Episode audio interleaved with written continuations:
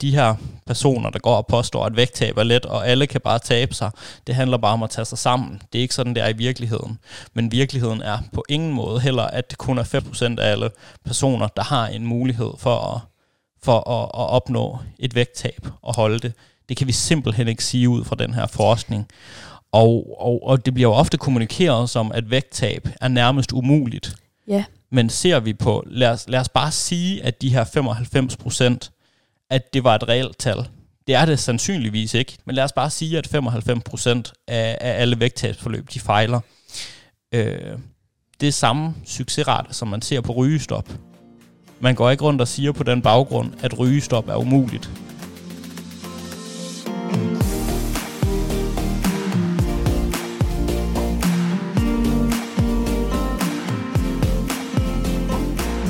Velkommen til træningsteamen.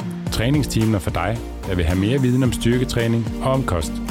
En podcast fri for bro science og quick fixes.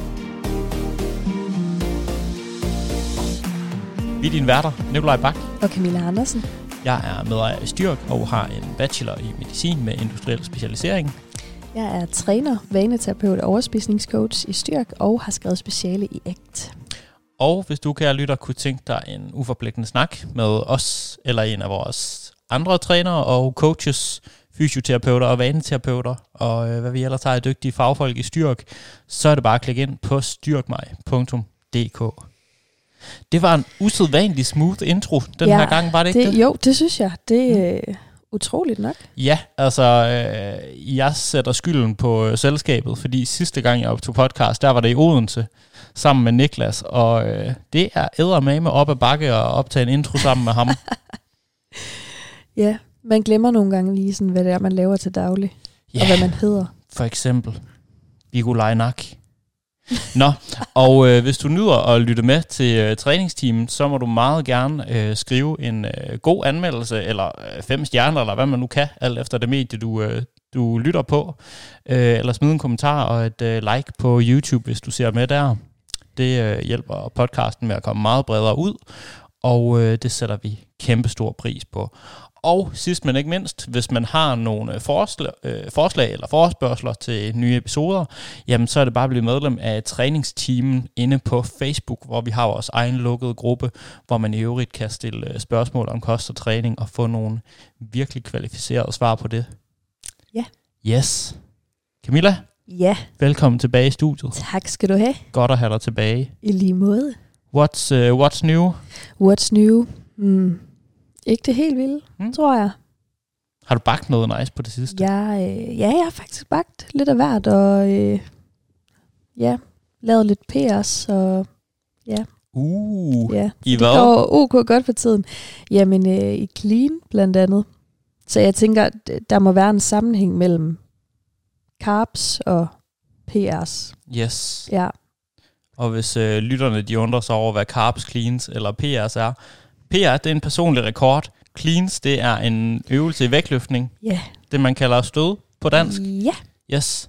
Og carbs, det er de gode gamle kulhydrater. lækre kulhydrater. Jeg, jeg tænker ikke, at jeg tænker, at de fleste af lytterne er med på, hvad en PR det er efterhånden. Men øh, hvis, der, også. hvis der skulle sidde nogen derude og føle sig, øh, føle sig efterladt, så øh, spis jeres carbs, og så laver I øh, personlige rekorder. Det er dejligt. Mm? Mm. Hvordan går det med din træning? Øh, godt. Mm. synes jeg. Rigtig, rigtig godt. Øhm, ja, jeg løfter videre ude i min øh, garage. Lidt mindre sådan øh, avanceret træning Ja, end, øh, end for dig. det kan også noget. sådan med teknisk krævende elementer og sådan noget. Mit det er lidt mere sådan kabler og død i hacksquatten og sådan noget. Det er også fedt. Øhm, sammen med min vante træningsmakker Huan, som er en hund. Ja. Og så har vi jo øh, fået en kat. Ja, Viola-kat. hun er virkelig, virkelig sød. Ja, hun, øh, det kan være, hun dukker op under, øh, under udsendelsen her. Det kan Mhm. også være, hun siger noget. Og det kan være, hun byder en øh, ledning over, Ja, for lige at jinx den. så ved vi, hvem sønderen er. Ja, lige præcis. Det er ikke mig eller Camilla, der sidder og byder ledninger over. Eller er det? Det, det kan man, man finde ud af aldrig. på video i så fald, fordi der er jo video både på YouTube og Spotify for den her episode. Så der kan man jo også se med i studiet. Nå, vi har en, øh, vi har en episode, vi skal have skudt, Camilla. Det har vi. Og øh, temaet for i dag, det er, øh, jamen det er påstande eller facts i gåseøjne, øh, som ender med at blive selvopfyldende profetier. Mm. Hvad, øh, hvad vil det sige? Jamen, det vil jo egentlig sige, at det, man på en eller anden... Det, man kan godt sammenligne det et lille smule med selvfortællinger, men det betyder jo egentlig bare, at man har nogle... Øh, nu siger jeg nogle, nogle påstande, øh, som egentlig ender med at blive sande på en eller anden måde. Mm. Så altså, vi har jo tidligere snakket om de her selvfortællinger, som meget af de der, jeg er sådan en, der det, det, det, det, det. Mm-hmm. Øh, det kunne være alt muligt. Jeg er sådan en, der ikke har nogen ryggrad, for eksempel. Øhm, de her selvopfyldende profetier, som vi lidt siger, tager udgangspunkt i påstanden, det der måske adskiller dem fra selvfortællinger i et eller andet omfang, det er, at de er baseret på nogle påstande, man ligesom har hørt. Ja. Og det kan da også godt være, at de påstande er sande, eller har mm. et græn af sandhed, øhm, som, som bare gør, at den her påstand kommer til at gå i opfyldelse. Mm. og endnu mere, end den egentlig ville have gjort af sig selv, selv ja. hvis der er en effekt i forhold til de her ting, vi skal snakke om, og det giver endnu bedre mening, når vi kommer ind på dem. Men så vil det, at man ligesom tror på den her påstand, det vil gøre, at den bliver sand, Ja. og bliver endnu mere sand, og har en endnu større effekt, Ja. end den vil have haft i sig selv. Og, Ja. og det er det der sådan, det bliver ligesom sådan selvopfyldende profeti, der, Mm. der bider sig selv i halen, hvor at det bliver sandt det her, fordi man tror på det, og fordi man har hørt det. Ja. Øhm, Så man har egentlig nogle forudsigelser om noget. Det kunne for eksempel være øh, omkring vægttab eller et eller andet, Mm. som ender med at blive sande, fordi man tror på de her ja, påstande. Ja, så vi skal både snakke om sådan det faktuelle i påstandene, om de egentlig er rigtige, og i hvilket omfang de er rigtige. Øhm, og så skal vi også snakke om, hvordan det, øh, hvordan det kan komme, på, komme til at påvirke ens adfærd negativt, om man Ja. tror på de her påstande, Ja. sande eller ej. Mm? Og øh, grunden til, at det jo blandt andet er øh, spændende at øh, optage en podcast om, det er, at øh, det er noget, som jeg i hvert fald har mødt hos rigtig, rigtig mange klienter, som begrænser dem i at handle, eller at komme videre, eller følge de drømme, de har. Ja, Ja. Og, altså, og det er jo lige præcis derfor, det er relevant at snakke om det her. Det er fordi, at det har en betydning øh, for de målsætninger, som mange af vores klienter arbejder med, og det har en betydning for, for deres liv og de ting, de gerne vil opnå. Øh, og jeg tænker, det er de her sådan seks forskellige øh, påstande, som vi har udvalgt. Det er nogen, der går ret meget igen. Altså det, det er nogen, der er meget udbredte, og som øh, mange i et eller andet omfang bliver begrænset af. Mm. Øhm, men skal vi ikke også skal vi ikke bare tage dem fra toppen? Jo, så tænker jeg også, jeg. det giver meget, det giver endnu bedre mening Det for, øh, tror jeg også. for lytterne, når de hører det. Jamen, øhm, den første, det. den første, vi har på listen her, det er, at øh, ryggen den er skrøbelig og skal beskyttes. Ja. Man hører ofte den der, pas nu på med at løfte med ryggen, pas nu yes. På, at det her det går i, går i ryggen. Ja. Øhm, eller også nogle gange, når man træner med folk faktisk, så kan det også ofte blive talesat. Øh, hvis man laver dødløft for eksempel, at folk bagefter siger, åh, jeg kan mærke det her, det går altså i lænden. Yes. Ja, Hvilket jo øh, giver meget god mening, Mm. fordi at letten også arbejder i Ja. øvelsen. ja. Ja. Men i modsætning til stort set alle andre sådan strukturer i kroppen, jeg kan ikke komme i tanke om andre, måske skulderen eller nakken i et eller andet omfang. Ja, nakken Øhm. kunne faktisk godt være et godt bud også. Ja. ja. Men jeg kan ikke komme i tanke om andre strukturer, hvor vi har det der syn, sådan helt kulturelt, Nej, på ryggen som skrøbelig og som noget, vi skal beskytte. På trods af, at, at ryggen er altså en af de stærkeste strukturer i hele kroppen. Øhm, Ja. Evident ved, at vi kan løfte så meget i dødløft for eksempel. Ja. Øh, selvfølgelig er det ikke kun ryggen, der løfter i dødløft. Øhm, men vi kan ikke lave et løft. Det giver heller ikke mening at lave et løft, hvor vi, øh, hvor vi bærer vægt over rygsøjlen, uden at ryggen den løfter. Men det har jo været, øh, altså det er faktisk startet for mange år siden, fordi jeg kan huske øh, helt tilbage til, da jeg gik i, det må have været første eller anden klasse, der blev vi undervist i, hvordan vi for eksempel skulle tømme skraldespanden. Altså der skulle vi sætte os Fuck. ned i en form for squat med helt øh, lodret ryg. Øhm, så allerede dengang vi, blev vi faktisk under, øh, undervist i, at øh, sådan foroverbøjningsbevægelsen øh, Mm. er farlig for ryggen. Ja, Så det har jo mange år på bagen efterhånden. og det er jo også fordi, man særligt ser, at mange børn de render rundt med rygskader, øh, fordi at de har bukket sig forover. Jamen, det er skørt, ikke? Børn man, kommer hele tiden til at, til at gå i stykker i ryggen. Det er så skørt. Ja, Problemet bliver så også ofte, at hvis folk øh, får en skade eller overbelastning i ryggen, så øh, apropos selvopfyldende profetier, så kommer man jo tit til at koble det til, Nå, men det må også være, fordi jeg har lavet en eller anden bevægelse Mhm. mm. med ryggen. Det må være den, der er skyld i, at, ja, at det her er sket. Ja, og, og det er selvfølgelig også i nogen grad, altså man kan sige, det, det stammer jo også et eller andet sted fra. Øhm, selve ideen om, at ryggen, eller kroppen, kroppen i det hele taget er skrøbelig, stammer meget fra en smerteforståelse, Mm. der efterhånden er forældet, eller som er forældet efterhånden. Altså Ja. at vi ved, at kroppen er faktisk rigtig tilpasningsdygtig. Øh, den kan, du kan endda løfte med rundt ryg, uden at det er et problem overhovedet. Det er noget, kroppen den er lavet til, og den er bygget til som udgangspunkt, og som den tilpasser sig gradvist til, når vi ligesom eksponerer den for noget nyt. Det handler mere om, at vi ikke gør det tungt for hurtigt eller for meget Lige i forhold præcis. til, hvor, hvor, hvor godt tilpasset vi er lige nu. Ja, så gradvis eksponering. Altså, og det er jo det er også en vigtig pointe, det her med, Mm. at man må gerne belaste ting. Problemet kan opstå, hvis man overbelaster. Yes. Men man er nødt til at belaste ting, for at musklerne for eksempel vender sig til den belastning, og lige så stille kan mere og mere. Ja, helt sikkert. Og, øh, og så stammer det også fra noget, man kan sige, det stammer også fra noget biomekanisk øh, viden, der for eksempel, altså meget af den her forskning, der viser, at rundrykket løft for eksempel, at de gør skade på ryggen. Det er sådan noget, hvor man har taget sådan nogle grisekadaver og bukket deres rygsøjler, øhm, også mere end man vil bukke rygsøjler i, øh, i virkeligheden, og ligesom udsat dem for rigtig, rigtig stort pres. Øh, og så har man ligesom overført det til, øh, til mennesker under forudsætningen af, at mennesker, der løfter, fungerer ligesom døde grise. Og det gør de ikke en til en.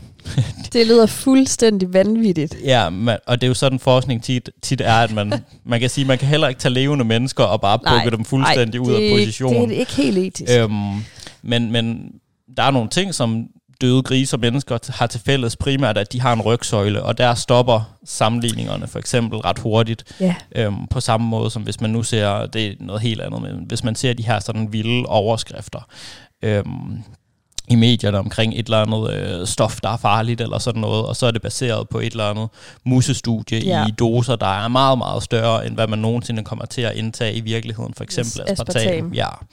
Øhm, så, så det er bare sådan et, et øh, eksempel på det her med ryggen, at, øh, eller den her idé om, at kroppen er skrøbelig i det hele taget, at, at det er baseret på noget, på noget forældet viden, hvor vi er blevet meget mere kloge på det i dag, og Ja. ved meget mere om, jamen, hvad forårsager ligesom rygskader.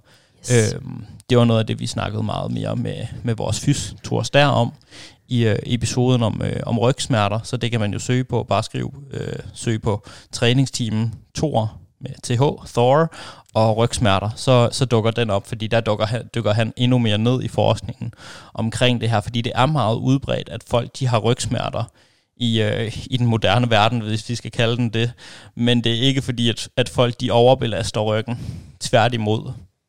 Øhm, og måske også delvis faktisk, fordi vi har den her fortælling om, at, at ryggen den er skrøbelig og let går i stykker, at det bliver en, en selvopfyldende profeti, fordi at vi ved fra den nyere for, øh, smerteforskning, at den måde, vi opfatter kroppen på, om vi opfatter den som stærk og kompetent, eller om vi opfatter den som usikker og skrøbelig, det har en rigtig stor betydning, betydning for vores smerteoplevelse. Altså, hvordan vi kommer til at håndtere smerter, og om vi oplever smerter eller ej ved forskellige bevægelser.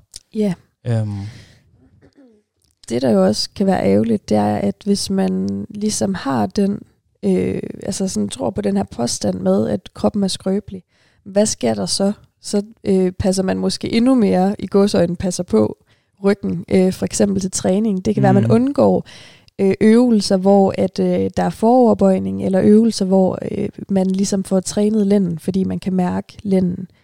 Og hvad sker der så, når man ikke laver de øvelser? Jamen, så bliver man ikke, man bliver ikke eksponeret for øh, de ting, der gør, at ryggen bliver stærkere. mm-hmm. Så det går jo faktisk i modsatte retning, end det Ja. man egentlig godt kunne tænke sig. Og så bliver ryggen skrøbelig i Yes, gåseøjne. så bliver fordi det jo en selvopfyldende profeti. Ja, Ja. ja. ja, så man kan sige, man vil både være mere udsat for at få ondt i ryggen et eller andet sted, fordi Ja. ryggen er svagere, øhm, og du vil også være mere udsat for, at de smerter øh, eller den oplevelse kommer til at påvirke dig negativt, fordi at du har den her fortælling om, at, at ryggen er, er skrøbelig i forvejen. Yes. Øh, jeg plejer tit at sammenligne det med det her med, øh, hvis folk de sådan mærker, at, at, at, at en øvelse går i ryggen, for eksempel hvis vi laver dødløft eller sådan noget, øh, så plejer jeg også nogle gange at snakke med folk om, hvis man oplevede den samme fornemmelse i biceps, når man trænede biceps, eller hvis man mærkede det i skuldrene, når man trænede skuldre, eller hvis man mærker den der den der ledømhed i lårene, når man laver squat, eller benpres, eller hack squat, eller whatever. Så de fleste vil være sådan, shit, jeg træner mine muskler godt yes, lige nu. det er effektivt. Yes, ja. men når vi mærker den i lændemusklerne, så har vi en sådan helt kulturel fortælling om, at det skal vi virkelig passe på med, og det er farligt ja. det her. Øhm, og ofte når man prøver sådan at, at overføre det fra andre muskler, så, så kan de fleste godt lige sådan, så kan man godt fange sig selv i den der med, okay, nu katastroferer jeg egentlig omkring noget, jeg ikke behøver at have katastrofetanker omkring på en eller anden Yes. måde. Det er sjovt, og, og det kan jo også være, at man rent faktisk oplever, at nogle øvelser gør ondt på en ubehagelig måde mm. i ryggen. Øhm, men nogle gange så stammer det faktisk også fra den her fortælling. Mm-hmm. Altså meget ofte, når jeg for eksempel sådan noget som rumænsk dødløft, når jeg lærer folk at lave rumænsk dødløft, at så, øh, så er der nogen, der oplever, at det går meget i lænden på en måde, der ikke føles godt. Det føles næsten helt sådan krampagtigt i lænden. Det jeg plejer at lære dem, det er, det er faktisk at løfte mindre med lænden og prøve at beskytte ryggen mindre. Fordi ofte så stammer det fra, at man tænker, nu skal jeg virkelig spænde op i ryggen. Altså så man står i den der virkelig sådan svejede position Yes. og spænder ryggen krampagtigt sammen, yeah. allerede når man starter løftet. Yeah. Og det føles ikke nice. Det føles ikke engang nice, når man ikke har vægt på at stå og være sådan krampagtigt spændt i, ry- i, øh, i ryggen. På ingen måde. Øhm, så, så tit så plejer jeg faktisk paradoxalt nok at sige til folk, prøv lige at slappe lidt mere af i lænden, yes. når, du, når du løfter, og så vil du mærke det mindre i lænden på den der dårlige måde, og så mere fokusere på, okay, nu skubber vi hoften tilbage, og de her forskellige cues, vi nu kan have i, i rumænsk dødløft. I det Ja. tilfælde, det lige er den øvelse, vi snakker om. Ja, jeg øh, oplever faktisk også ret ofte, at øh, det kræver noget tilvænding, hvis folk skal føle sig trygge ved for eksempel romansk dødløft. Mhm. Fordi den her foroverbøjning simpelthen øh, ja, er lidt grænseoverskridende for dem, fordi de har været vant til, at det må man ikke, og der er så især ikke, hvis man har øh, vægt i hænderne, og Ja. der er også måske ret meget vægt på, hvis man er forholdsvis stærk. Så, øh, så jeg oplever, at det kræver, at folk sådan lige øh, vender sig til, at det må man gerne. Så bliver den mere øh, ja, sådan teknikmæssigt, ja. så går der lige nogle gange, før at det, det kører fuldstændig, og vi kan begynde at få Ja. lidt mere vægt på. Og det er sjovt nok et af de bevægemønstre, sådan en dødløftbevægelse, specielt romansk dødløft, hvor det primært skal foregå over hoften, som folk kan have rigtig svært ved sammenlignet med andre ting, og det tror jeg, det tror jeg delvist det stammer fra, at det er sådan en bevægelse, som vi sådan tænker, uh, det må jeg ikke gøre i hverdagen, altså jeg må ikke bøje mig forover og samle noget op. Jeg skal squatte ting, jeg løfter op, uanset hvor sygt besværligt det er at squatte ting op fra gulvet i dagligdagen. Altså, det, det bliver tit et mærkeligt løft at gøre det. Det sjove er, at øh, jeg har nogle gange Jefferson curl på mm. Mm. programmet. Øh, og for dem, der ikke ved, hvad Jefferson curl er, så er det, øh, at man står, jeg står på en kasse, og øh, bøjer mig forover med fuldstændig vivl for vivl, øh, rund ryg og hele muligheden, øh, hele vejen ned med vægt i hænderne, og vivl for vivl op igen, virkelig med krummet rygsøjle. Og når, når jeg laver den, så er jeg stadig opmærksom på, alt efter hvor jeg laver den henne, at der godt kan være nogle mennesker, som står i centret og tænker, hvad fanden har hun gang Ja. i? Det må man sgu da ikke, det der. Er du helt idiot? Kan du ikke finde ud af at lave øh, dødløft med ret ryg, Mm. eller hvad? ja, Selvom det er meningen. det, det, det er basically dødløft med alle de ting, som man tror, man ikke må gøre i dødløft. Ja, Og det, det er paradoxalt ofte en af de øvelser, man bruger til at genoptræne i gåseøjen ryggen med. Altså at man, man nogle gange bruger til folk, der har rygsmerter, ja, øhm, eller er usikre på at bevæge ryggen. ja. Jeg har, jeg har lige lavet en, øh, en note til mig selv om, at vi lægger en video ind over øh, af Jefferson Fedt. Curl, så folk Super kan se fedt. den øh, i talende stund. Kan man se den, øh, det løft, hvis man øh, ser med på, øh, på YouTube eller i Spotify. Yes. Super fedt. Skal vi, øh, skal vi gå videre? Det synes ja. jeg. Men som sagt, man kan også lytte til vores episode om, øh, om rygsmerter, hvor, øh, hvor særligt Thor han dykker, øh, dykker endnu mere ned i det her øh, emne omkring rygsmerter, og hvad der forårsager dem, og hvordan man, man kan styre ryggen. Yes. Uh, den næste, det er sådan en... Øh, det er en af mine kæpheste. Jeg tror, jeg ved, hvad det er for en. Det er, Det er, det er den her øh, påstand om, at øh, kun 95% kan opnå varigt vægttab, eller at øh, det bliver også nogle gange øh, sådan formuleret som, at 95% af alle bevidste vægttabsforløb fejler. Ja. Øhm, Sikkert er en øh, nederen øh, motivation at gå ind i et øh, vægttabsforløb med. det er en rigtig, rigtig dårlig, øh, dårlig rate, kan man sige. Ja. Øhm, og også det her med, at, at så det, det, er typisk de her 95 procent, der bliver bragt op, og at størstedelen tager vægten på igen. Og der er helt klart en sandhed i, at de fleste vægttabsforløb fejler.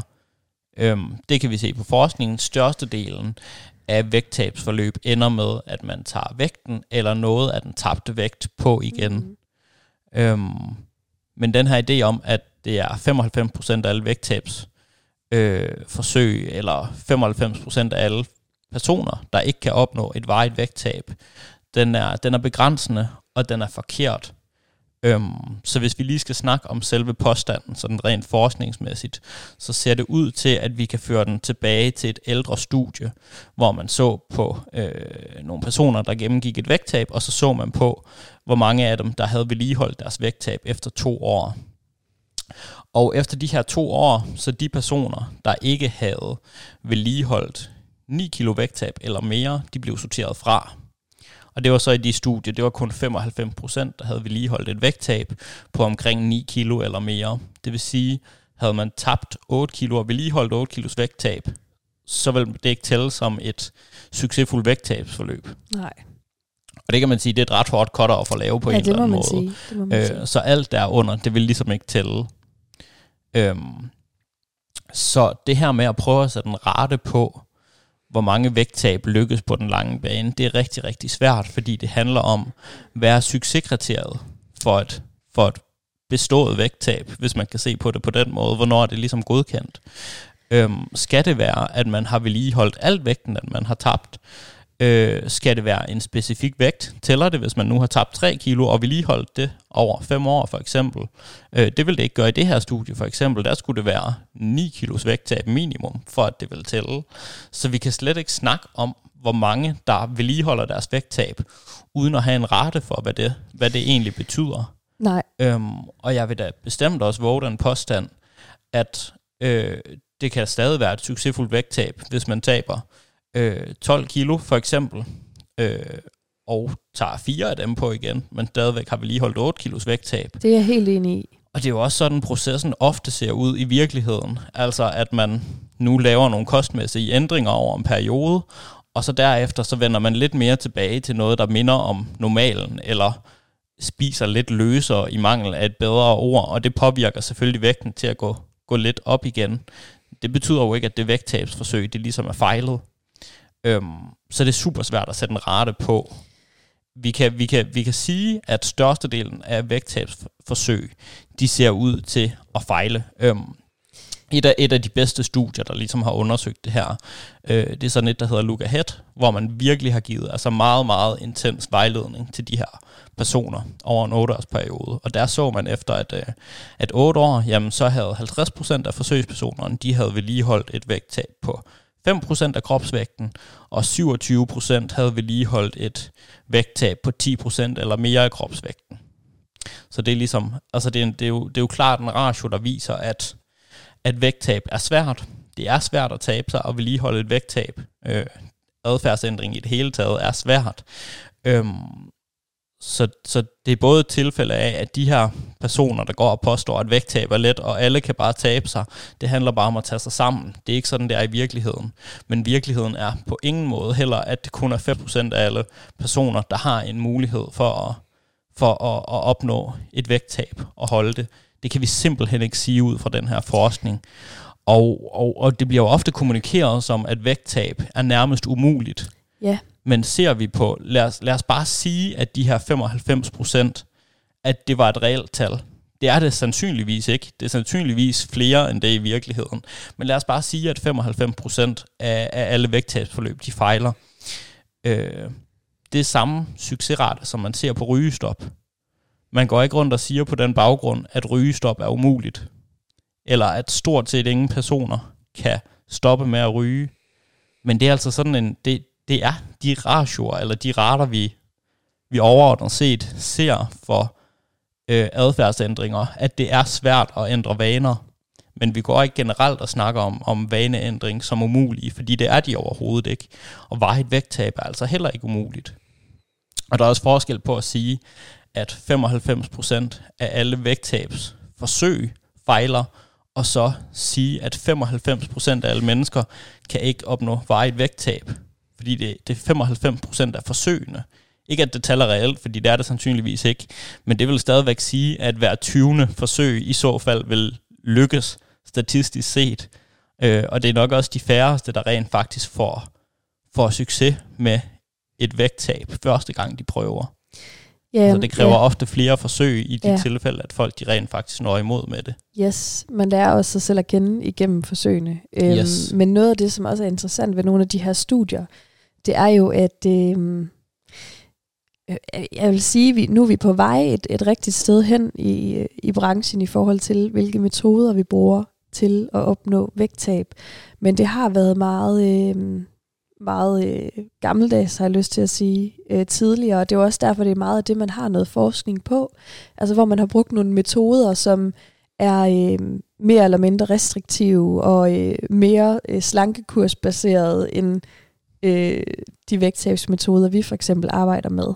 Så jeg håber da på et tidspunkt i fremtiden, når man kan lave noget mere forskning på, at der er noget coaching med ind over, nogle, noget, altså måske noget vanecoaching, noget overspisnings eller andet, at man så kan opnå nogle andre resultater, øhm, altså så man ligesom bliver set som menneske, så man bliver arbejdet med på en anden måde, end at man får stukket en eller anden kostplan i hænderne, mm. og øh, har man så taget på, når man er færdig med den, så har man fejlet.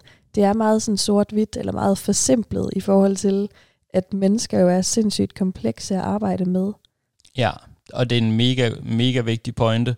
Også fordi forskningsmæssigt vil vi jo gerne teste enkelte faktorer af gangen, for at se, hvor godt en enkelt ting rent faktisk virker det er ikke sådan, man i hvert fald i, i min eller din optik kan også høres, øh, bør arbejde med vægttab i praksis. Altså der tester man jo ting af og gør flere ting i kombination. Så kan det være, at man arbejder med noget mæthedsværdi. Det kan være, at man mm. arbejder med noget følelsesmæssig spisning. Det kan være, at man arbejder med at indrette sit øh, miljø efter at sætte det op til succes ved at sørge for, at frugt og grønt er tilgængeligt for eksempel. Man arbejder med mange redskaber af gangen, men i forskning vil du typisk gerne teste effekten af én ting. Mm-hmm. Øhm, og hvis der er noget, vi i hvert fald ved, så er det, at der findes ikke en one-size-fits-all løsning til alle, når det kommer til vægttab. Og det er altså også noget, som den her forskning er udtryk for. Og jeg synes faktisk, jeg tror, jeg har hørt Anne Gormand øh, sige det på et tidspunkt, det her med, det ville da egentlig også være utrolig mærkeligt, hvis vi havde fundet en helt universel løsning øh, på et problem, der knap nok har eksisteret i en hel generation endnu. Altså det glemmer vi også nogle gange, at, at, at fedmeepidemien og at det folk, de kæmper med vægten, er et meget nyt fænomen. Ja. Øhm, og derfor har vi ikke fundet en universel løsning på det. Nu er der så nogle rigtig spændende perspektiver i forhold til det her vægttabsmedicin. Ja. Men altså når man adfærdsmæssigt arbejder med det, så, øh, så vil man også i praksis finde ud af, at man bruger forskellige redskaber.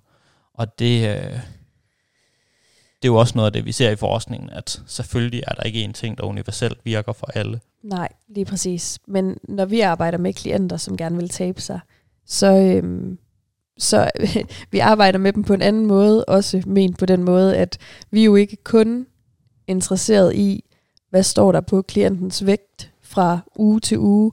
Vi er også interesseret i at arbejde med øh, andre faktorer, som kan gøre, at vægttabsprocessen den bliver øh, længere, fordi vi også er interesseret i, okay, men hvis du dør med overspisning, øhm, og vi arbejder på nogle redskaber i den, på den front, hvordan trives du så i det? Altså vi, vi, vi er øh, interesseret i klientens trivsel i forskellige madsituationer, mere end vi er interesseret i, øh, hvor mange kalorier vedkommende har spist. Og det gør også, at, øh, at, at tallet på vægten ikke er vores, øh, eneste måleenhed. Mm-hmm. Der er så meget mere i det, som også skal gøre, at processen den bliver ja, længere og tager længere tid. Ja, specielt hvis man arbejder ud fra det perspektiv, at vi vil gerne have Altså den, den værdi, man gerne vil opnå med vægttabet, det er i virkeligheden den, vi arbejder hen imod. Altså at, at have det bedre i sin krop for eksempel, mm. så er det reelt det, vi sammen med klienten har aftalt, at vi gerne vil opnå i langt mm-hmm. de Mhm, fleste mhm. øh, største delen af tilfældene, øh, kontra at det er, når det skal være et vægttab på 8,5 kilo for eksempel.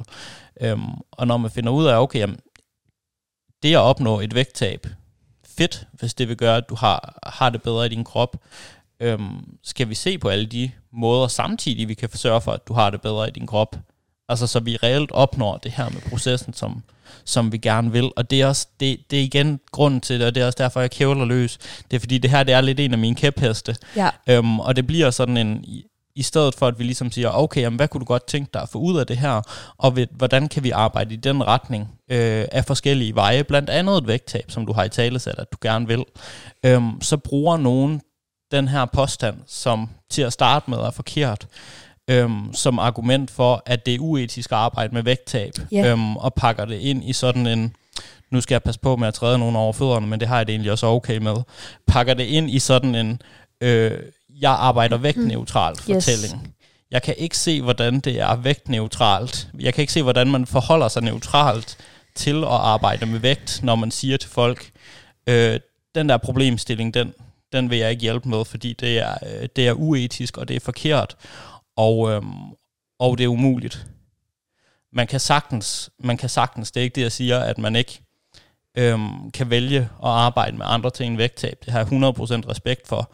Men jeg har det rigtig svært med, at man dels sådan påtaler det som uetisk og gør det på et forkert grundlag, fordi at den påstand, at 95% af alle mennesker kan ikke tabe sig, den er forkert til at starte med. Ja. Øhm, det er sådan, jeg synes, det er en, en dårlig måde at tale andre faggrupper ned på, der gerne vil hjælpe folk så godt som muligt. Men det, der virkelig pisser mig af, det er alle dem, der står tilbage derude med den her målsætning, der faktisk gerne vil tabe sig af værdibaserede grunde, og som vil give dem rigtig meget, men som står med den der, hold op, det er umuligt. Jeg, Ja. jeg kan lige så godt give op. Ja. Og det har jeg hørt fra folk, Ja. der er flere veje at støtte på den her påstand om, at jamen, det er umuligt at tabe sig. Det er basically umuligt. Du kan lige så godt give op på forhånd. Ja. Og, det, og, og det er i et eller andet omfang også forkert rent faktisk overhovedet at have det ønske til at starte med. Ja. Hvis, hvis, det er den, sådan, hvis det er det indtryk, man efterlader folk med, så har jeg meget svært ved at se, hvordan det er at arbejde vægtneutralt. Det synes jeg er uetisk. Øhm, og, og fuldstændig som vi, øh, som vi har været inde på, problemet har vi ikke haft længe nok til, at vi øh, ved præcis, hvordan vi skal håndtere Mhm. det, eller øh, hvor muligt eller umuligt det er.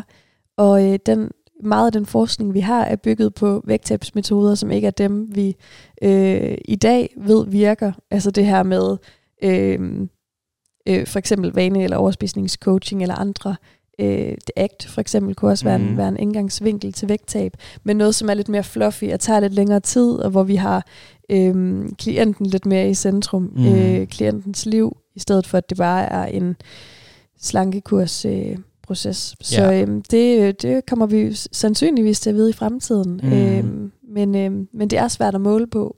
Ja, det er, det er svært at måle på. Det er svært ja. at sådan undersøge lige så godt videnskabeligt, Ja, som øh, effekten af at få en kostplan eller et eller andet, øh, for eksempel. Men det er som sådan ikke det vigtige, at det er let at måle på, når vi, når vi arbejder med klienter. Det vigtige er, at vi møder folk der, hvor de er, øh, og kan være fleksible i forhold til, øh, til de tilgange, vi bruger undervejs. Det er ikke særlig præcis. fedt at skulle være super fleksibel i forhold til et, øh, et studiedesign, man undersøger i et videnskabeligt studie, men, øh, men på den måde, vi arbejder i praksis, det, det adskiller sig altså også lidt fra nogle gange, hvad er det ligesom, man har, man har, har undersøgt. det gør det. Yes. Så blev han sgu sur. Skal, Ja. vi, øh, skal vi gå til, til næste punkt? Lad os det. Mm. Øhm, så det er det her med, at øh, der er et genetisk max for, hvad du kan få ud af din træning.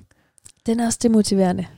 Jamen, altså, det er de jo alle sammen sådan set. Men øh, det, er, det er ufedt, hvis man øh, virkelig er klar til at øh, ja, lægge noget energi i sin træning, at man mm. så Mm. ved, om det er ikke sikkert, det nytter noget. Og det er, jo, det er jo sådan et eksempel på, at det er egentlig en påstand, der sådan set er rigtig, fordi Mhm. der er et genetisk max for, hvad du kan få ud af din træning. Øhm, men det at være rigtig opmærksom på det her med, at genetikken spiller en, en væsentlig rolle, øhm, det kan ende med at blive rigtig begrænsende for folk.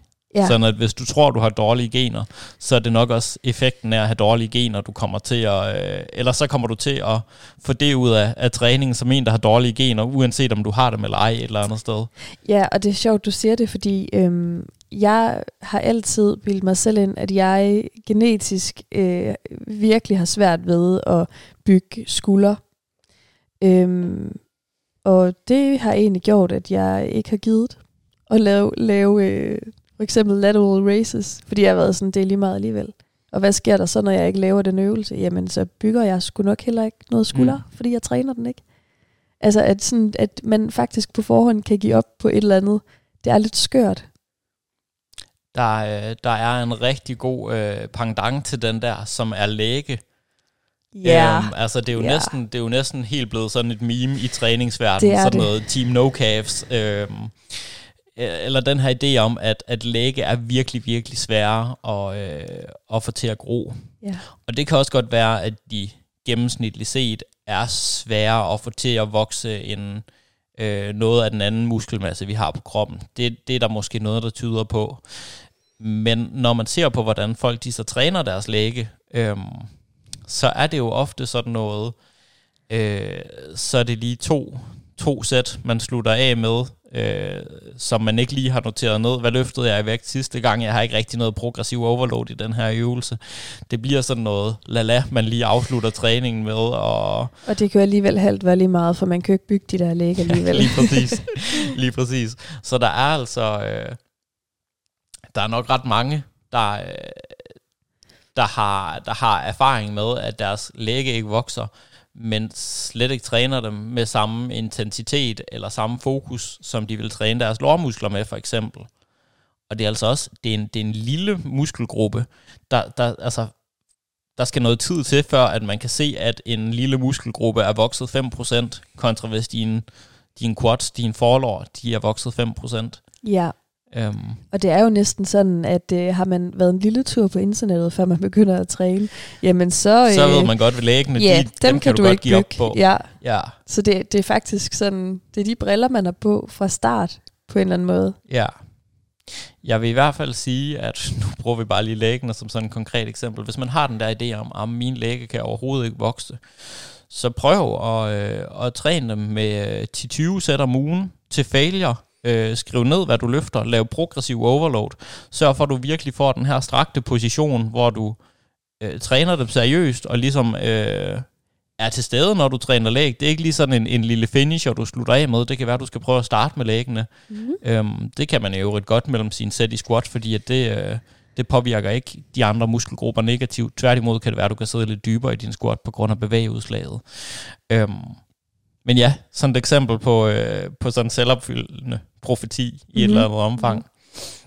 Nu blev det meget specifikt lige til lægene. Øhm, men det, det er, at der er det her genetiske max for træning, øh, og at folk de godt ved, det er der.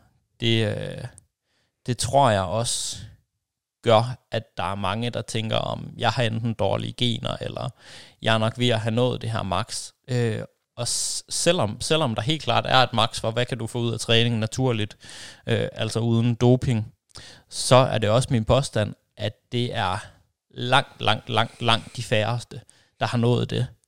Ja. Eller overhovedet er i nærheden af det. Den ligger altså øh, langt derude af, skulle mm. jeg til at sige, så vi kan træne løs. Det kan, det kan være måske, at man har bygget 80% af den muskelmasse, man nu kan kan opbygge øh, efter de første 5-10 år af ens træningskarriere, eller sådan noget, hvis man har gjort tingene godt.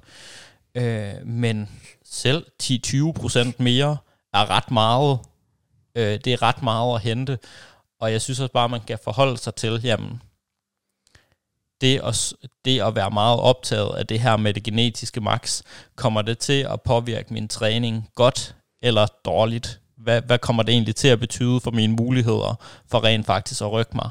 Yes. Øh, og der, der, vil jeg da, der vil jeg da mene, at, at det at have et stort fokus på det, det for mange bliver en hemsko. Eller bare den her bevidsthed om, at gener betyder meget. Det er klart, det er forskelligt, hvad vi kan få ud af træning, og det er forskelligt, hvor hurtigt tingene går. Men jeg vil også våge at påstå, at rigtig mange af dem, øh, som måske har oplevet, at deres træning ikke har rykket sig i rigtig lang tid, og man bare tænker, nå, men det, det, jeg er nok bare ikke særlig godt genetisk disponeret for det her træning. Lad os lige prøve at se, hvad der sker, hvis man virkelig begynder at træne hårdt, øh, begynder at, at tage sin sæt til failure en gang imellem, for egentlig at finde ud af, at træner jeg egentlig så hårdt, som jeg tror, så kan det godt være, at man, øh, at man har kørt det her træningsprogram, hvor man så har kørt med en rep i reserve, men finder ud af, at en rep i reserve, det var i virkeligheden seks gentagelser, man havde i reserve, når man virkelig presser citronen, og at den træning, man så ellers har lavet, har været opvarmning. Jeg vil bare sige, at der er i hvert fald rigtig mange, øhm, som lige pludselig oplever, at træningen den tager et ordentligt ryg inklusiv min egen, når man, altså mine egne erfaringer, når man rent faktisk begynder at, at, at træne lidt hårdere, når man er nået ud over begynderstadiet, og ikke er så bange for sådan overtræning, og, og altså virkelig, ja, hvis, hvis man har den der idé om, at man er gået i stå, så prøv virkelig at se på, hvad kan du gøre herfra for at træne bedre og hårdere, før at man i gåsøjne sådan skylder skylden på, øh, på sine gener. Mm jeg, jeg våger at påstå, at der er mange, der lige pludselig kan opnå ny øh, fremgang på den måde. Ja, og så ved jeg godt, at der øh, er nogen, som har øh, tid, det kan være, at man er ung eller øh, et eller andet andet, så tid til at lægge rigtig, rigtig meget energi i sin træning, så den bliver øh, meget tæt på, på det allermest optimale. Men for de fleste, som lever et nogenlunde normalt liv med øh, familie eller øh, andre hobbyer, venner, alt muligt, så øh, er der vel altid plads til at, at optimere lidt på træningen, tænker jeg. Så øh, det skulle være mærkeligt, hvis man øh, trænede så optimalt, at øh, man ikke kunne opnå mere. Mm. Ja, det er, også, det er også derfor, jeg tit snakker om det her med lige at, at tage tingene lidt mere til failure. Det er dels ud fra noget ny forskning, der betyder, at det kan rent faktisk godt svare sig at træne tæt på failure, og dels ud fra noget forskning, der viser, at der er mange, der tror, at de presser citronen næsten helt til grænsen, hvis man så tester det. Så er der faktisk så er der måske fem gentagelser mere, mm-hmm. end det de reelt troede, der var. Øhm, men også bare, at det er heldigvis noget af det, som vi kan gøre, uden at det kræver mere tid. Altså så i stedet for at skulle træne flere gange, eller skulle til at bruge pengene på et eller andet nyt fancy kosttilskud, som ofte er den vej folk de går, når, når de begynder at stagnere i deres træning, så prøv lige at presse citronen lidt mere, når du rent ja. faktisk er nede og træne. Back to basics. Ja, ja lige præcis. Um, det er sundt, tror jeg. Det tror jeg også. Det er, i hvert fald, øh, det er i hvert fald en mulighed, man har, når man føler, man er, man er gået i stå i sin træning øhm, som, som ikke nødvendigvis skyldes, at man har ramt sit øh, genetiske max, fordi det er virkelig de færreste, der har det. Altså, ja. selv, øh, selv hvis man ser på nogle af de bedste naturlige bodybuildere, så arbejder de jo stadigvæk og jeg ved godt, de er nogle jern, og der er også en naturlig selektion mod, at det er også folk med gode gener, der placerer bedst der, selvfølgelig. Men, men selv de arbejder jo stadigvæk på at forbedre deres fysik, og på at, at bygge en lille smule mere muskelmasse år efter år, og det ser man også, at de gør helt op i sådan 50-årsalderen eller sådan noget. Det kan vi lige vende tilbage til lige om lidt, det her med alderen. Yes. Øhm, men hvis de kan blive ved med at lave små forbedringer, og dermed ikke har ramt deres genetiske loft, så er der sgu nok heller ikke nogen af os andre dødelige, der har endnu. Nej. Og i hvert fald, det er nok ikke en fortælling, der, der, øh, der påvirker en øh, godt at dyrke i bedste fald gør det ikke nogen forskel, i bedste fald, eller i dårligste fald, så gør det en negativ forskel. Yes, lige præcis. Nå, så var der noget med noget alder, var der ikke det? Jo, det var der. Jo. Øhm, når man er min alder. Uha. Og øh, den er der jo mange eksempler på. Der kan komme mange forskellige ting efter den mm. sætning, når ja. man er min alder. Så hvad, hvad kunne det være? Det kunne være... Øh, når man er min alder, så skal man øh, passe på ryggen, fordi at øh, så får man øh, meget nemt diskusprolapser. Mm. Det kunne også være, jamen øh, når man er min alder, så, øh, så er forbrændingen gået i stå, eller når man er min alder, så kan man ikke tabe sig længere. Der er mange. Mm. Når man er min alder, så skal man jo bare passe meget mere på med skader, eller yes. når man er min alder, så går tingene jo meget langsommere. Ja. Øhm, og det kan også godt være, at nogle af de ting er sande, men det bliver sådan en, ja, når man er min alder, så går tingene jo meget langsommere. Altså det bliver sådan en, en sandhed, man ligesom får fortalt sig selv.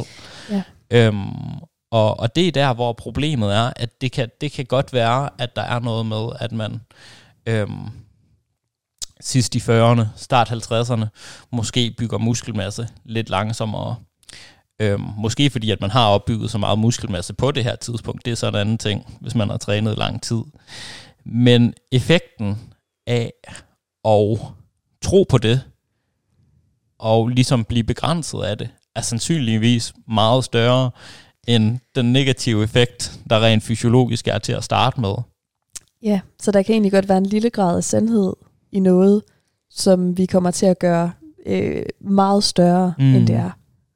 Altså, og, og ser vi nu, hvis vi nu snakker sådan specifikt i forhold til, det vil så være mænd og muskelmasse, altså hvor man ofte sådan fra, fra øh, folk, jamen jeg tænker ofte, det er sådan noget, man al, faktisk allerede sådan noget fra fandme midt 30'erne, hvor man, altså du er ikke gammel endnu på det tidspunkt overhovedet. Nej. Det er du heller ikke i 40'erne, og det er du heller ikke i 50'erne fysiologisk set, hvis du bliver ved med at træne. Øhm, så kan vi altså se, at det her aldersbetingede tab i muskelmasse, det skyldes altså i, i høj grad, altså før vi kommer op i sådan sen alder, sådan 60 plus eller sådan noget måske, så, så skyldes det altså primært manglende aktivitetsniveau, eller at aktivitetsniveauet er faldet hen over perioden. Øhm, I hvert fald kan vi, kan vi se, at folk kan i hvert fald bygge rigtig meget muskelmasse og blive ved med at vedligeholde det langt op i årene. Altså det er jo også derfor, vi ser sådan, apropos naturlig bodybuilding, hvor man ikke tager steroider, der ser man stadigvæk folk med rigtig, rigtig vilde fysikke i 50'erne, som fandme vinder det game, altså yes. over nogle af de yngre. Ja. Øh, og, og det ville bare ikke være muligt, hvis de havde tabt 10 kilo muskelmasse undervejs, fordi de var blevet ældre. Nej. Øhm, og det samme med det her testosteronniveau, som man snakker om, det falder også med alderen men det ser i langt højere grad, ikke udelukkende, men i langt højere grad ser det ud til at være et fænomen, der skyldes, at man ændrer livsstil undervejs. Det kan yes. være, at man sover mindre, det kan være, at man er mindre fysisk aktiv, det kan være, at man drikker lidt mere alkohol. Der, altså, folks livsstil ændrer sig jo øh, efter 30'erne, eller hvornår, hvornår det nu er, at man falder lidt mere til ro, eller hvad man nu skal sige, yeah. og der dukker, dukker nye ting op i livet. Øhm, men så, så bliver det netop den der, hvor det bliver sådan en, en selvopfyldende profeti, hvor at, at de her, det her fald i testosteron, og så kan vi snakke om i forhold til træning, der betyder det nok ikke særlig meget til at starte med faktisk, men at det i langt, langt højere grad skyldes livsstil. Og det, at man har den ændrede livsstil, bliver ofte, øh, jeg vil ikke sige retfærdiggjort, men det bliver ofte sådan noget, der sker på baggrund af, om det kan jo være lige meget, fordi at det kan jo, det kan jo ikke betale sig at gå, gå så meget op i det der træning længere, fordi når man er min alder, så sker der jo ikke så meget alligevel. Ja, og det der bare er lidt ærgerligt ved, øh, ved at tro på de her påstande, også det her med, øh, at vægttab går meget langsomt, når man bliver en vis alder, det er, at det på en eller anden måde begrænser en i at handle. Øhm, jeg kan godt se, hvis man synes, det er svært at tabe sig, at det også på en eller anden måde kan være en føles beskyttende, det her med, okay, men så kan min alderdag i det mindste være øh, svar på, hvorfor det er, jeg synes, vægttab er svært. Vægttab er svært, øh, uanset hvad alder du er, men hvis man ligesom river sig fri af den der påstand, så giver det en mulighed for at handle lige pludselig. Ja, og det gør også, at man kan se på de virkelige årsager til, ja. at det er blevet sværere. Så sandt, øhm, så sandt. Fordi oplevelsen, at det er meget, blevet meget sværere, kan sagtens være 100% reelt. Altså fuck, selvfølgelig er det meget nemmere at øh, gå op i sin træning og kost, når man er 20 år og har masser af tid, kontra når man er øh, 40 og har tre børn, eller whatever, hvor at, at det at bruge tid på andet end at passe de der børn, det, øh, det, det har man næsten ikke. Øhm, eller det kan være, at der er nogle familieforhold, der er svære, eller hvad der nu er, er sket, som gør, at man har mindre tid og mindre energi, mm. øh, og at der er ting, der måske før føltes lette, der lige pludselig øh, føles svært. Mm. Hvis man kan forholde sig til det, så kan man også arbejde med de ting. Yes. Fordi at der er, der er næsten altid en årsag til, at man har den her oplevelse. Selvfølgelig er der det. Øhm, men hvis vi på forhånd har fået at vide, det her det er årsagen, altså din alder, så, får man heller ikke, øh, så er man heller ikke nysgerrig på, hvilke andre årsager kunne der egentlig være til det her. Nej. Nu snakkede vi meget om, om mænd og sådan testosteronniveau og træning og sådan noget. Øhm, du snakkede også om et, et eksempel sådan for kvinder sådan inden podcasten, i forhold til det her med vægttab for eksempel. Ja. Øhm, sådan med overgangsalderen. Ja, overgangsalderen er også øh, noget, som øh, vi hører relativt ofte. At folk er sådan lidt, øh, lidt bange, både for overgangsalderen, men også føler sig meget begrænset af den, fordi at de øh, er overbeviste om, at det er overgangsalderen, der er skyld i, at de ikke øh, taber sig, for eksempel. Og øh, vi har øh, aftalt, at det, der kommer et helt afsnit eller en episode på et tidspunkt om overgangsalder. Øh, men fakta er, at vægttab øh, godt kan lade sig gøre på trods af overgangsalderen, mm. og at det er jo klart, øh, at overgangsalder er noget fysiologisk, som man kan mærke på forskellige måder. Øhm, problemet er bare, at det kan gå ind og blive en hemsko for en mentalt.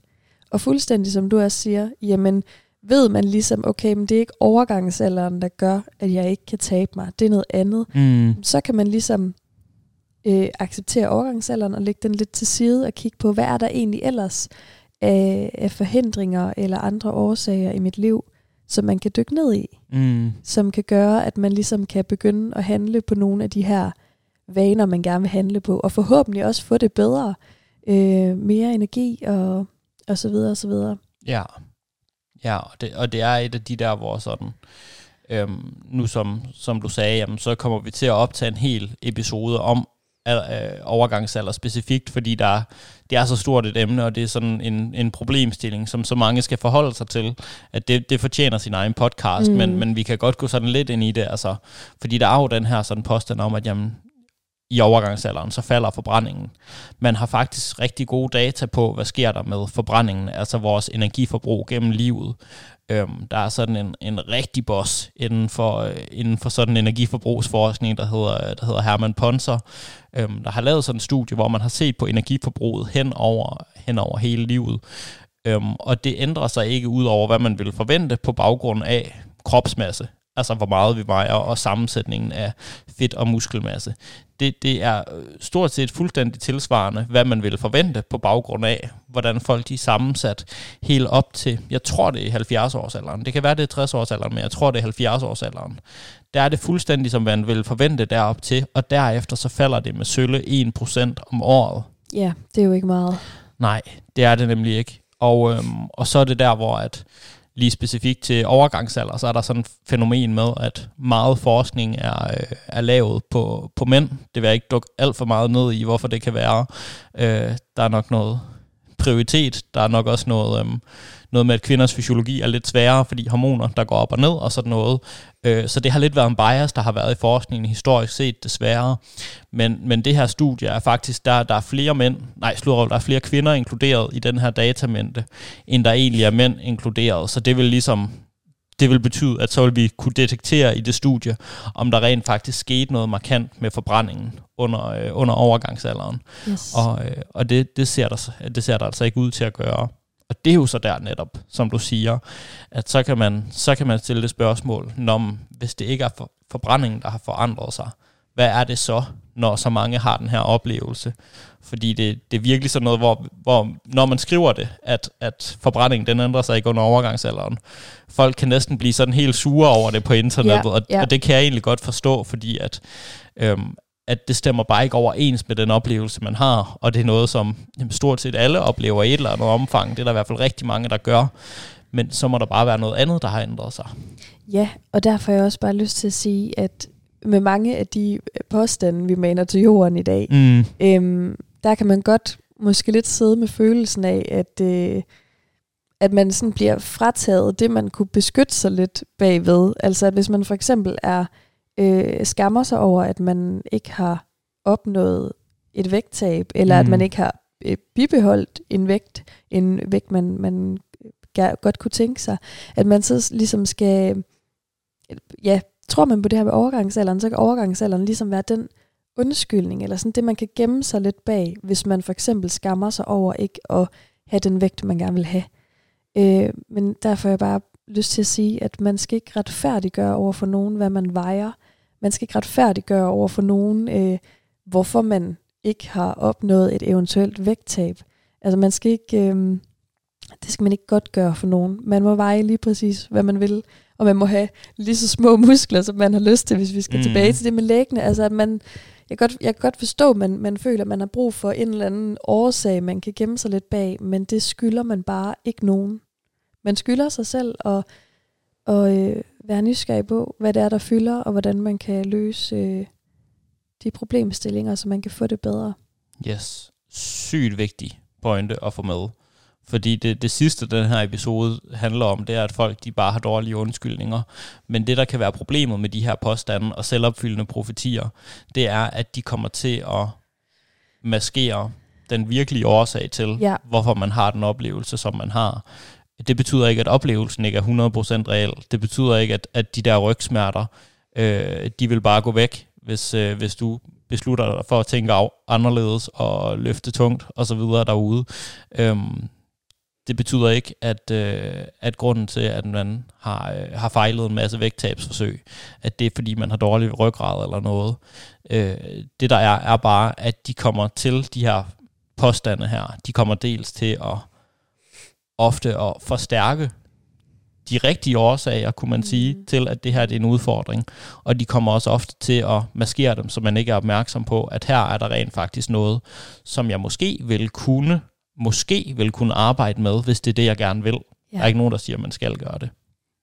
Og man kan også godt nogle gange have brug for at tillade noget over for en selv. Altså det Mm. her med, øhm, hvis man har en eller anden, en eller anden øh, årsag øh, til, eller en eller anden årsag, man kan koble til, at man har taget på i vægt. Det kan være også alt fra overgangsalder til medicin til et eller andet andet. Øhm, så, så kan man godt have brug for ligesom at sige til sig selv, okay, men det må være, det må være derfor, at du har taget på, så er det okay. Altså sådan, at, som om man skal tillade det over for sig selv, altså for at man kan acceptere, at man har taget på. Og øh, man, må, man må gerne tage på, og man må gerne veje, hvad man vejer, øh, uanset om man tager medicin, eller er i overgangsalder, eller øh, alt muligt andet. Ja, og det kan også godt være, at din overgangsalder er årsagen til, at du har taget på Ja. indirekte. Yes. Det er bare ikke fordi, at det er forbrændingen, den har påvirket. Nej, så gør Så- den noget andet, der Yes. ligesom påvirker. Så det kan være alle de her eller- hedeture, Mm. øh, som ikke er særlig fedt at have, har jeg hørt. Øhm, det kunne være sådan noget som, at appetitten måske er blevet påvirket, fordi man mm. Sover meget dårligere. Det ved vi, det er en mekanisme, at det påvirker vores appetit. Yes. Det kan være, at der er noget følelsesmæssig spisning indover. Det er typisk Ja. sådan en periode, hvor børnene måske flytter hjemmefra, og man begynder at overveje nogle nye ting i livet, og alt sådan noget der. Øhm, det, synes jeg, vi skal, det synes jeg, vi skal gemme til, til episoden om. Ja. overgangsalderen. Ja. Men, men jeg synes, det er en mega vigtig pointe lige at bringe på banen, at det er altså ikke fordi, vi vil sidde og, øh, sidde og shitte på folk sådan øh, oplevelser. På Tværtimod. måde. Tværtimod. Vi vil gerne, at folk får det bedre, og øh, ja, ligesom få fat i de ting, der fylder. Og øh, som sagt, jamen, så snart vi har ryddet den falske øh, årsag af banen, så kan vi kigge på det, der virkelig betyder noget for, hvordan man har det. Mm. Nu snakkede du lidt om, øh, om spisevaner. Vi har to øh, punkter mere på listen. Ja. Det første, det er, øh, det er den her, jeg tager på, bare, bare af at gå forbi bageren. Ja, det er jo sådan øh, en opfattelse af, at hvis jeg spiser bare en bid af en kanelsnegl, så tager jeg 4 kilo på. Men hvis du spiser en hel kanelsnegl, så tager du ikke noget på. Mm. Så den der følelse af, at der ingenting skal til, før at man, øh, man tager relativt meget på. Mm. Det er Mhm. også en, jeg skulle lige så sige en begrænsende selvfortælling, men det, er jo, men det er jo i hvert fald også noget, der, kan blive, der hurtigt kan blive selvopfyldende. Mm. Det er i hvert fald en, øh, det er i hvert fald en, en, en oplevelse, kan man sige, øh, hvor at hvis vi sådan skal, skal begrunde den i nogle påstande, der er derude, jamen så er det jo også forskningsmæssigt vist, at der er stor forskel på, øhm, hvor let nogle personer har ved at tage på kontra andre. Øh, men det skyldes bare ikke, at der er nogle personer, der bare sådan, bum, forbrænder alt, hvad de spiser. Øh, kun hvis de ubevidst bliver mere aktive, samtidig med, at de spiser mere. Det er der nogen, der gør, kan vi se. Ja. Øhm, men vores, vores, altså vores sådan kaloriebalance, og hvor godt vi udnytter maden, er altså inden for et... Der er en, der er en variabel i det, også i forhold til, hvor, hvor meget muskelmasse og sådan noget, vi bærer rundt på, fordi det forbrænder mere. Øhm, men det er ikke sådan, at der findes personer, der næsten ikke suger noget energi ud af maden, øh, kontra personer, der bare optager det hele. Altså, vi, vi optager størstedelen af det mad, vi spiser, og vores energiforbrug er med varierende, med små variationer, så er det stadigvæk ret tilsvarende, hvordan vi ser ud, og hvor meget vi bevæger os. Det, Ja. øhm, det, det, det vil simpelthen være, være en fysisk umulighed andet på en eller anden måde, at der bare skulle være nogen, der forbrændt alt, hvad de spiste, og nogen, der slet ikke forbrænder noget. Ja, og den her kan jo blive selvopfyldende i det, at man, når man har den her selvopfattelse af, at man er sådan en, der tager på, eller sådan eksploderer nærmest Mm. ved øh, en kvart kanelsnegl, at man så får den der følelse af, "Men så kan det også være lige meget. Yes. Så giver man lidt op på forhånd, og øh, ja, så kan man da lige så godt spise det, der er på bordet, eller øh, det, man har i skuffen, eller hvad det kunne være, mm. når nu man alligevel er sådan en. Ja. Og, og, og, og omvendt, når man ser andre, hvor det, hvor det ligner, at de kan bare blive ved og æde og æde og æde og æde, uden der sker noget med deres vægt. Øhm, sådan kan det også ofte se ud, Ja, eller se ud, men det er jo ofte kun et lille, lille øjebliksbillede. Øhm, det er bare det måltid, man lige har set. Det kan være, at de ikke spiser særlig meget til morgenmad. Det kan være, at de har dage, hvor de til gengæld, det kan være, at næste dag spiser de ikke særlig meget, fordi de er blevet rigtig mætte af den her kæmpe portion sushi, I var ude at spise sammen. Øhm, og at det ligesom påvirker deres spisning dagen efter. Øh, det kan være, at de bevæger sig rigtig meget. Det kan være, at de har et job, hvor de hele tiden går rundt, og derefter kommer hjem til en hund bagefter, der skal luftes. Og så, øh, så tager de til træning eller et eller andet. Altså, vi kan jo, øh, vi kan jo kun se en, en lille del af det samlede billede. Øhm, Ja. man kan tit godt have sådan en, Øh altså at der bliver lidt sådan en øh, dig og mig forskel mm. mellem dem, der synes, de tager på hurtigt, og nogen, som de kender, som de synes er slanke, men ikke burde være det. Mm, Øhm, og det der bare er problemet, det er, at det kan godt være, at du ser øh, en, en meget spinkel fyr her, der spiser øh, masser af chips og drikker masser af øh, sukkerholdigt sodavand.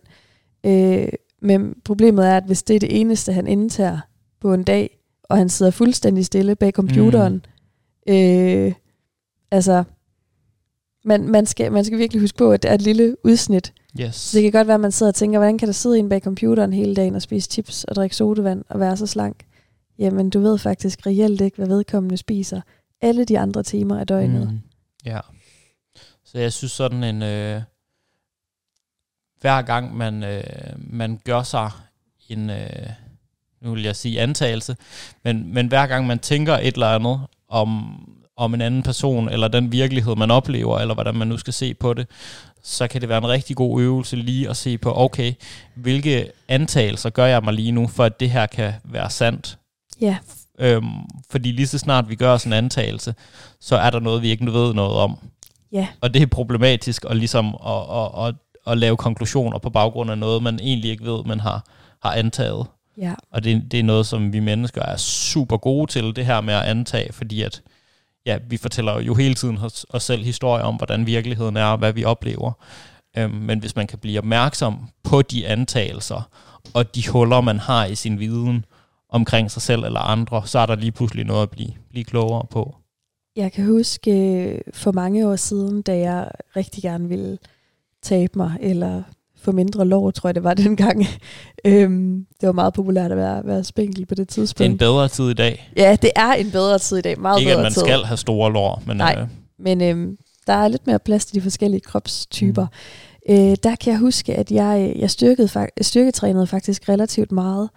Øhm, og en dag så så jeg en pige, der var ude at løbe, øhm, og syntes, at hun havde en virkelig flot krop. Og så tænkte jeg, at det må være det, der er hemmeligheden. Jeg må begynde at løbe.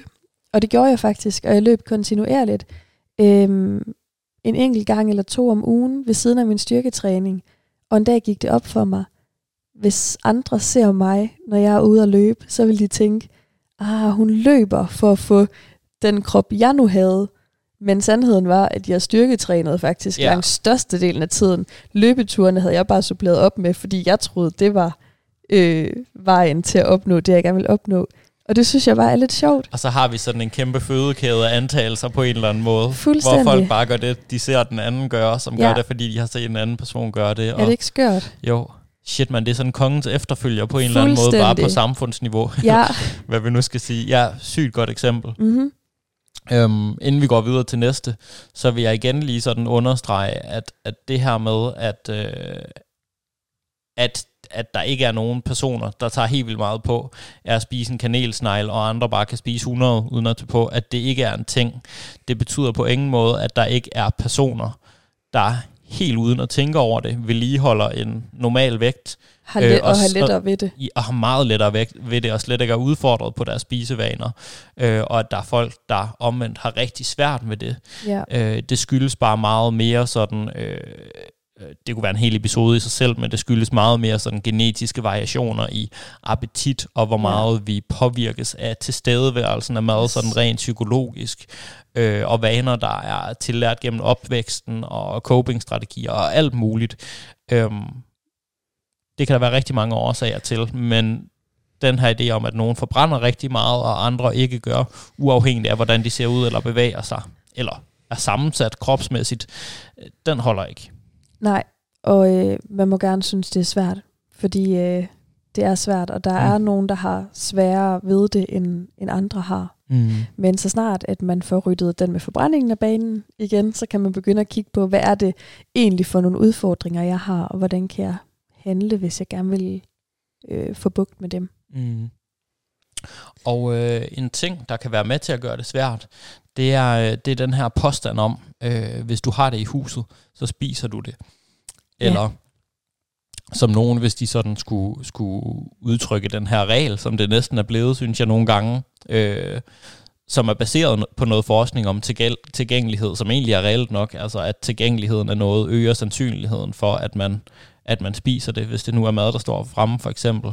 Øhm, den måde folk sådan kunne i tale sætte det selv på, kunne være sådan noget, at lige så snart jeg har taget en bid chokolade, så kan jeg ikke stoppe igen.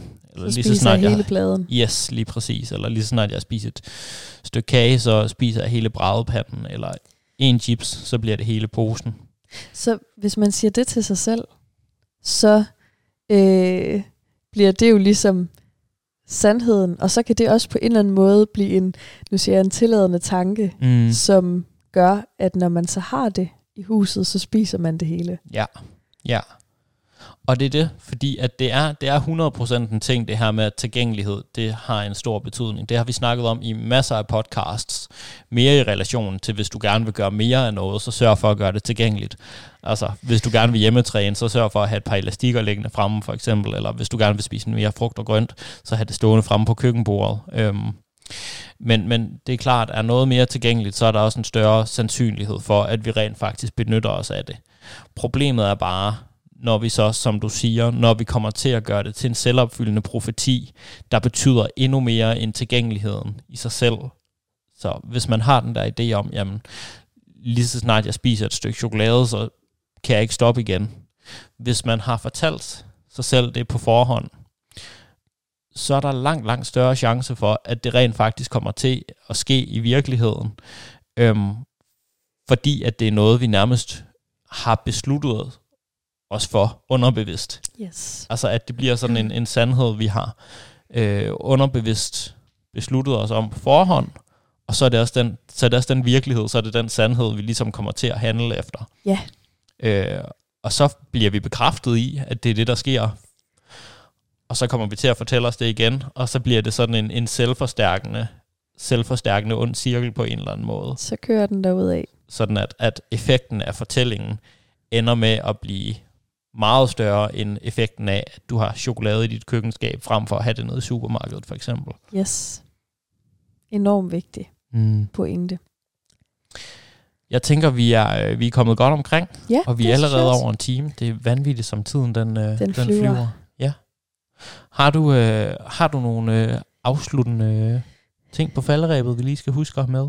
Jeg ved, vi har sagt det flere gange, men det er bare virkelig vigtigt for mig at pointere, at det her ikke handler om øh, at øh, sådan feje dårlige undskyldninger af vejen, men altså, at det virkelig handler om, at man kan få lov til at kigge på de rigtige årsager, så man kan komme til at handle, så man ikke lader sig begrænse og føler, at sådan, om det, det er de her vilkår, mm. jeg har, så kan jeg jo ikke opnå nogle af de ting, jeg egentlig drømmer om.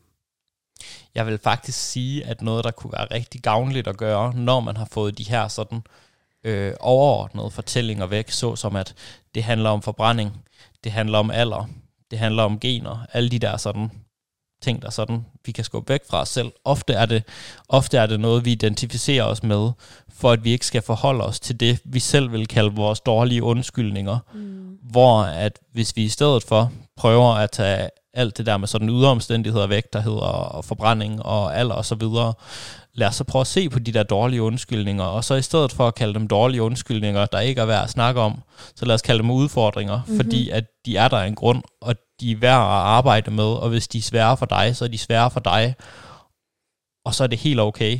Så er det ikke noget, vi behøver så øh, og, og, og ligesom opføre os, som om det ikke er værd at snakke om, ved at sige, om det skyldes noget, det skyldes noget helt andet. Og det er Fordi svært. Det, det er sgu helt okay at have det svært med nogle det, ting. Det er fuldstændig, det har vi alle sammen. Det, der bare godt kan gøre det her ekstra udfordrende, det er, at når man ligesom har ryddet de ting af banen, som man tit kategoriserer som dårlige undskyldninger, øh, så skal vi til at face noget, som er ret sårbart tit. Det kan godt være, at det er sådan noget med, jamen en udfordring for mig er, at jeg har rigtig svært ved at stoppe med at spise, når jeg er mæt. Jeg øh, spiser helt vildt meget med. Det er da mega sårbart, og skal til ligesom at konfrontere sig selv med det, at det er den udfordring, man skal arbejde på. Men, øhm, men selvom det er svært, så er det mega vigtigt, fordi det er der, vi rykker os. Yes. Det synes jeg, det var en øh, fantastisk note at øh, slutte af på.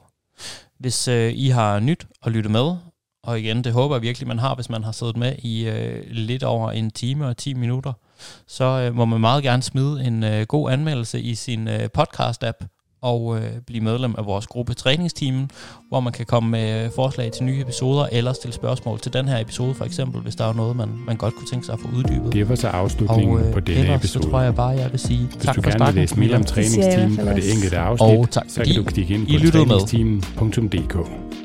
Og hvis du har spørgsmål til den enkelte episode, eller har forslag til emner, vi kan tage op i en fremtidig episode, så har vi en Facebook-gruppe, som du kan tilmelde dig. Facebook-gruppen hedder Træningsteamen, og herinde er der mange dygtige og kompetente mennesker, som sidder klar til at hjælpe dig. Hvis du kunne lide den her episode og gerne vil høre flere episoder, så er måden du bedst hjælper os med det på, er ved at give os en god anmeldelse i din podcast-app. Det tager ikke mange sekunder for dig, men det gør en kæmpe forskel for os og i udbredelsen af træningstimen. Det er jo netop for dig og for jer, at vi laver træningstimen. For vi brænder virkelig for at hjælpe så mange som muligt med deres kost og træningsvaner. Og hvis du vil læse mere om Styrk og hvad vi ellers foretager os, så kan du klikke ind på styrkmig.dk eller følge os på Instagram under navnet styrk_dk. Nu er der vist ikke andet end at sige tak fordi du lyttede med. Vi høres ved.